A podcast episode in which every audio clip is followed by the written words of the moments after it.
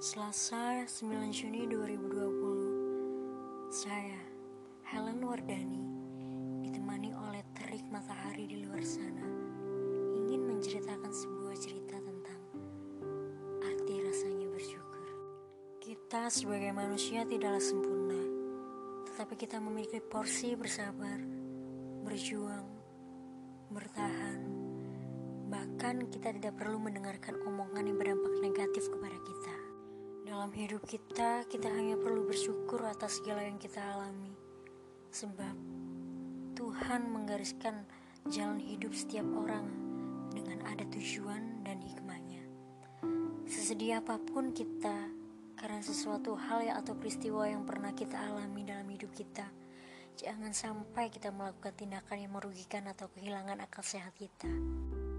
Kita juga tidak usah menyia-nyiakan kesempatan yang sudah Tuhan berikan ke terutama kepada kita yang masih memiliki banyak waktu di dunia ini. Kasih sayang, cinta harus kita berikan kepada orang-orang yang berhak, yaitu orang yang tulus. Mencintai seseorang itu tidaklah mudah, tapi menyakiti seseorang itulah mudah. Jadi, Jangan sia-siakan kesempatan yang pernah kita berikan kepada orang tersebut.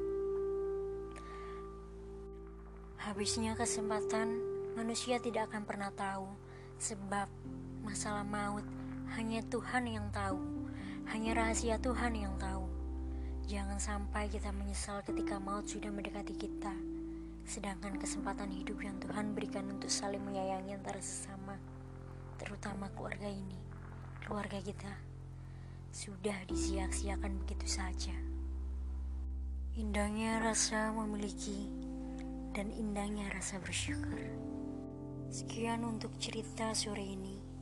Saya Helen Wardani pamit. Sampai bertemu di next episode di podcast.